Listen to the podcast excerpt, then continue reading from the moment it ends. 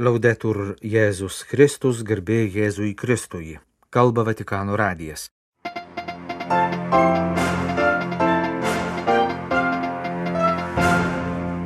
Popiežiaus audiencijos vienuoliams, užbaigiantiems savo generalinės kapitulas ir Vatikano vaistinės, netrukus minėsiančios savo 150-asias metinės darbuotojams.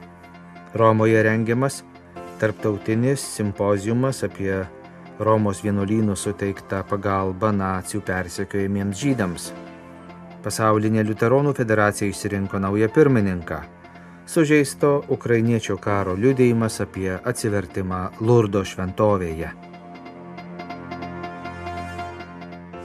Pirmadienį rugsėjo 18-ąją popiežius Pranciškus susitiko su kunigais, broliais ir seserimis vienuoliais, priklausančiais XIX amžiaus pabaigoje Italijoje šventojo Anibalė di Francia įkurtoms švenčiausiosios Jėzaus širdies rogacionistų ir dieviškojo uolumo dukterų kongregacijoms, kurie Romoje užbaigė savo generalinę kapitulą.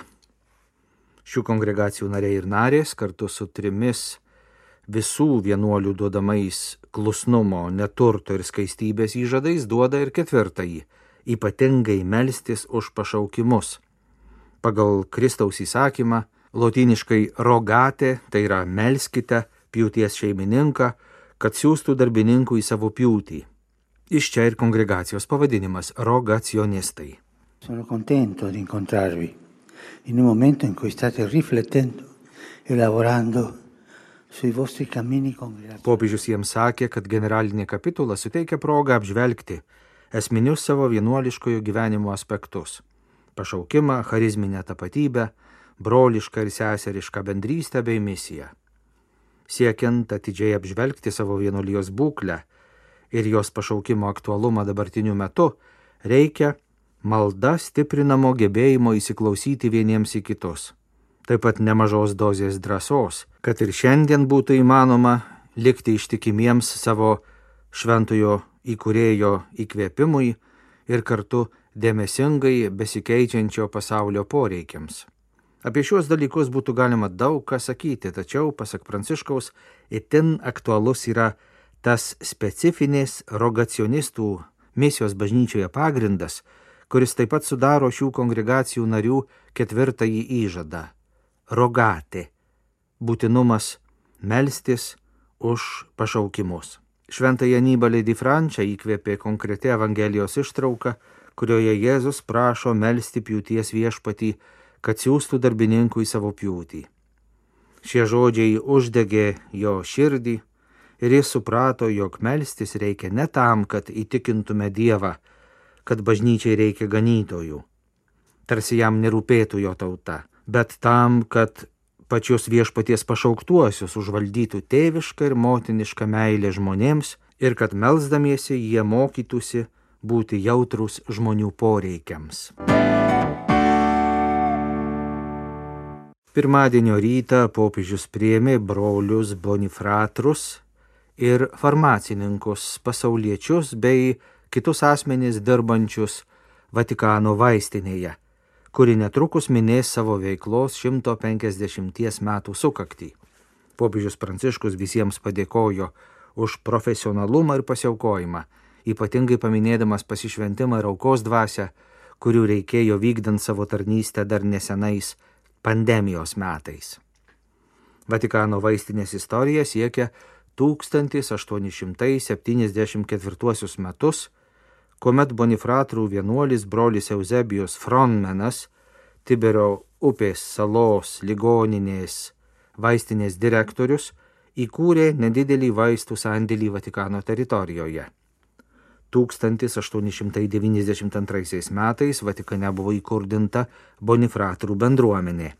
Bonifratrai, vienuoliai ir gydytojai buvo pakviesti rūpintis popiežiaus ir jo bendradarbių sveikata.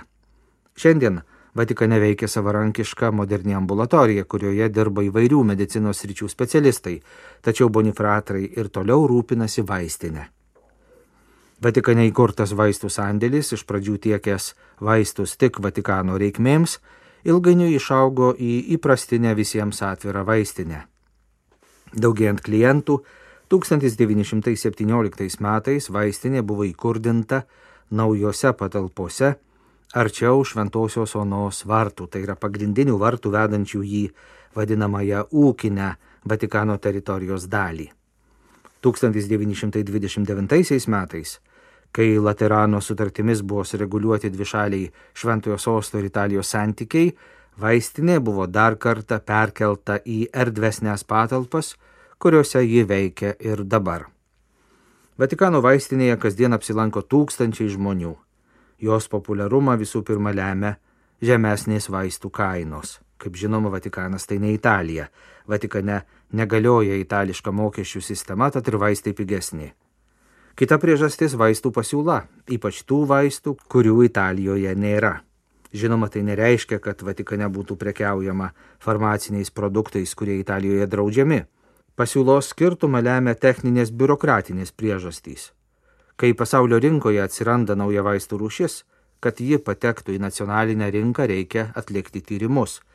Leidimas prekiauti vaistai suteikiamas tik užbaigus atestavimo procedūrą. Procedūros greičiau užbaigiamos tose šalyse, kur vaistai gaminami. Tad italas gydytojas, žinodamas apie naujus vaistus, kurie jau buvo atestuoti, tarkim, Junktinėse valstijose, juos gali skirti savo pacientui. Italijoje tų vaistų dar nėra, bet Vatikano vaistinėje jau galima juos įsigyti. Vatikano vaistinė siūlo taip pat platų vitaminų, maisto papildų, specialaus maisto kūdikiams asortimentą. Prekiaujama ne tik itališkais, bet ir užsienyje pagamintais produktais. Vatikano vaistinėje taip pat galima įsigyti anyžių ir kinmedžio vaisių trauktinės, kurią pagal seną receptūrą gamina vienuoliai bonifratrai. Vatikano vaistinė neprekiauja kontraceptinėmis priemonėmis ir viskuo, ko naudojimas nesuderinamas su katalikišku moralės mokymu.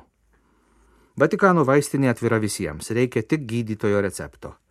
Su receptu ir asmens tapatybės dokumentu reikia kreiptis į Vatikano žandarmerijos postą prie Šventojios Onos vartų. Ten išduodamas vienkartinis leidimas, su kuriuo galima eiti į už kelių šimtų metrų nuo vartų esančią vaistinę. Kas gelbėjo žydus ir kodėl? Ką sako archyvai apie holokaustą? Ar žydų gelbėjimas vyko ar neįvyko? Tai klausimai, kuriuos atsakymų ieškos garsūs akademikai, istorikai ir teologai spalio 9-11 dienomis tarptautinėme simpozijume Romoje. Jame bus pristatyta medžiaga iš popiežiškojo Biblijos instituto apie žydų gelbėjimą Romos vyskupijos parapijose ir vienuolynuose. Nauji popiežiaus Pijaus XII pontifikato dokumentai ir jų reikšmė katalikų žydų santykiams tai Grigaliaus universitete rengiamo simpozijumo tema. Dalyviai septyniose sesijose sieks iš naujo pažvelgti į kontroversijas susijusias su Pijumi XII ir Vatikanu holokausto laikotarpiu ir į žydų krikščionių santykius pagal naujus atradimus iškylančius iš Vatikano archyvų analizės, kurie, pasak konferencijos rengėjų, yra labai svarbus. Simpozijumo dalyviai diskutuos apie Pijaus XII laikyseną fašizmo, nacizmo ir komunizmo atžvilgių, Vatikano požiūrį į holokaustą ir nusistatymą dėl tautų ir religijų įtakos popiežiaus aplinkai, prelatams ir pasauliečiams, rasistinių įstatymų plitimą ir taikymą Europoje, žydų gelbėjimą ar ne, ypač kiek tai susiję su Romos žydų deportacijomis prieš 80 metų, popiežiaus diplomatų ir nunciatūrų atsiliepimą į karo pabėgėlių krizę ir holokausto baisumus, Vatikano paramą nacijų ir ašies šalių nusikaltėliams, įskaitant pokario metu tarptautinių karinių tribunolų karo nusikaltimais nuteistus vokiečius. Taip pat bus apžvelgti keliai, atvedė iki 1965 metų deklaracijos Nostra Etate, pamatinio Vatikano antrojo susirinkimo dokumento, kurio bažnyčia po dviejų dešimtmečių nuo holokausto pasmerkė antisemitizmą ir pabrėžė gilų ryšį tarp krikščionybės ir judaizmo. Baigėsi pasaulinis liuteronų susitikimas Krokuvoje. Delegacijos iš įvairių kraštų liuteronų bažnyčių, įskaitant Lietuvos evangelikų liuteronų bažnyčią, pradeda skirstytis rugsėjo 19-ąją, paskutinę pasaulinės liuteronų federacijos 13-osios asamblėjos dieną.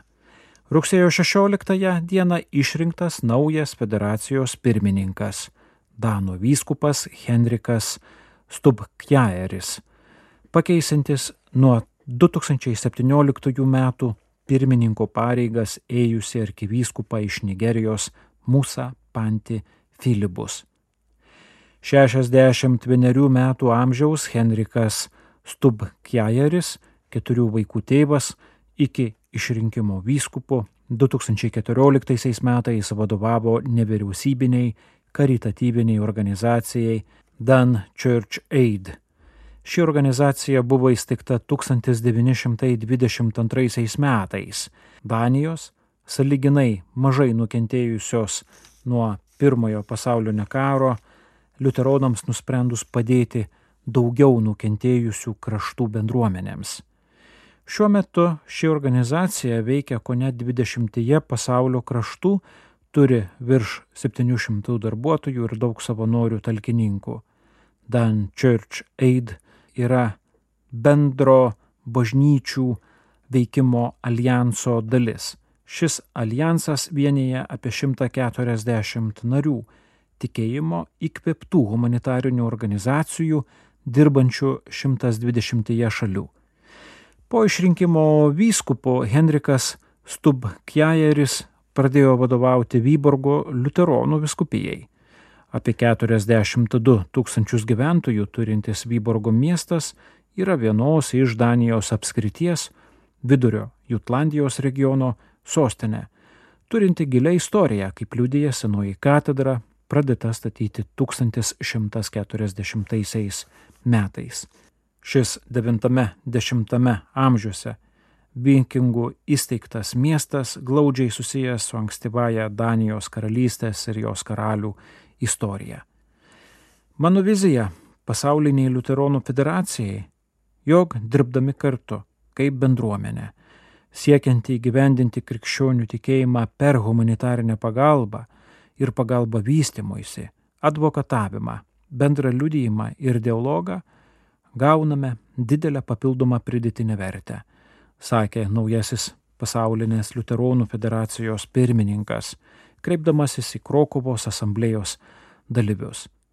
Savo pastabose jis taip pat paminėjo tikėjimų grįstą humanitarinį liuteronų ir katalikų bendradarbiavimą, atitinkamą liuteronų tarnystės pasauliui ir Caritas Internacionalis organizacijų susitarimą ir tą progą įvykusią audienciją pas popiežių Pranciškų.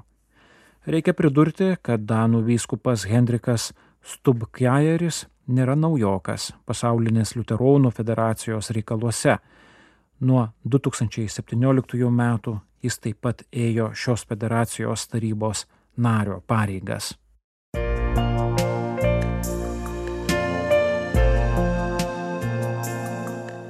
Jūs klausotės Vatikano radio. Tęsėme žinių laidą lietuvių kalba.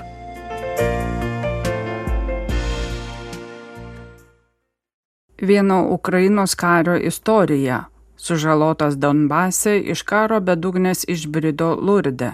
Buvęs kareivis Aleksandras mūšyje neteko kojos. Tada sekė alkoholis ir narkotikai. Dabar jis organizuoja vilties piligriminės keliones neįgaliems kariams.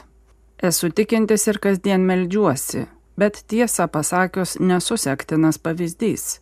Aleksandras Švecovas juokauja, kai tikina save laikantis heterodoksiškų krikščionių, kuris už savo prisikelimą dėkingas Lurdo Marijos šventoviai, kur atsigavo po amputuotos kojos dramos, po depresijos bedugnės, po alkoholio ir narkotikų tamsos, į kurią buvo paskendęs grįžęs iš karo sužeistas po kojos amputacijos.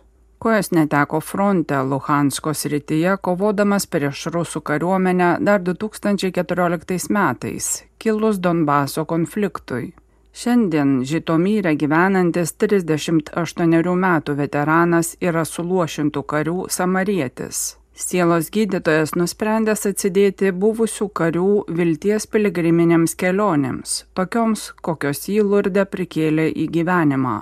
Jis pasakoja apie stojimą į kariuomenę, kuris buvo labiau padiktuotas aplinkybių nei autentiško troškimo. Turėjau parduoti būtą, kad suremontuočiau mamos namus. Man reikėjo pažymos iš karinės apygardos. Kai ten nuvykau, mane pakvietė į kariuomenę. Šalia manęs buvo ir kitų vaikinų, kurių paklausė, ar jie pasirengę. Jie atsakė, kad taip. Aš taip pat negalėjau atsisakyti ir sutikau, pasakoja Aleksandras. Taip 29 metų vaikinas atsidūrė 30-ojoje mechanizuotoje brigadoje. Tam tikrų momentų mūsų vadai pasiuntė mus į fronto liniją Luhansko miesto pakraštyje, Veselahora gyvenvietėje.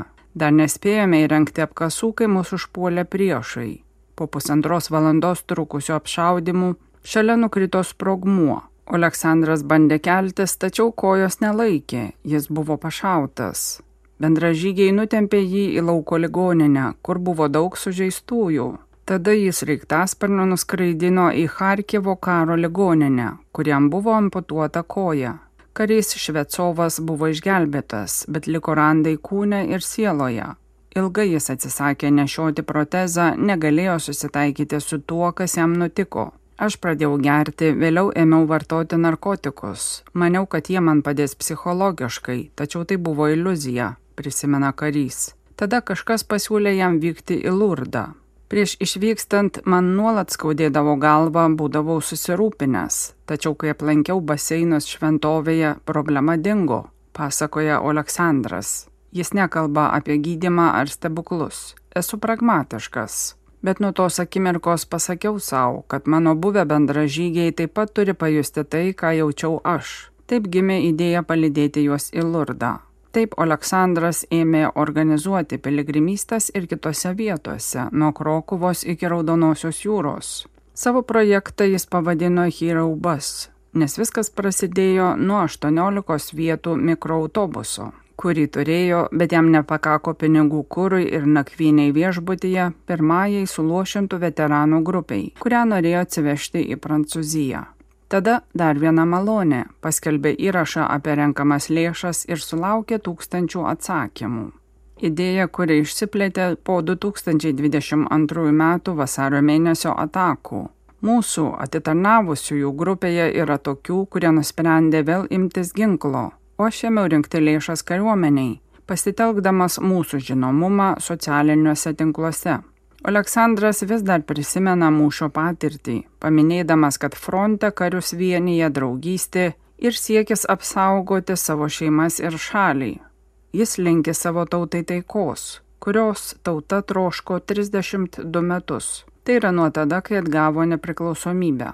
Nekantrauju vėl pamatyti parkuose linksmai žaidžiančios vaikus, kurių nepersekios nežmoniška bombų baimė. Atsidūsta karo veteranas.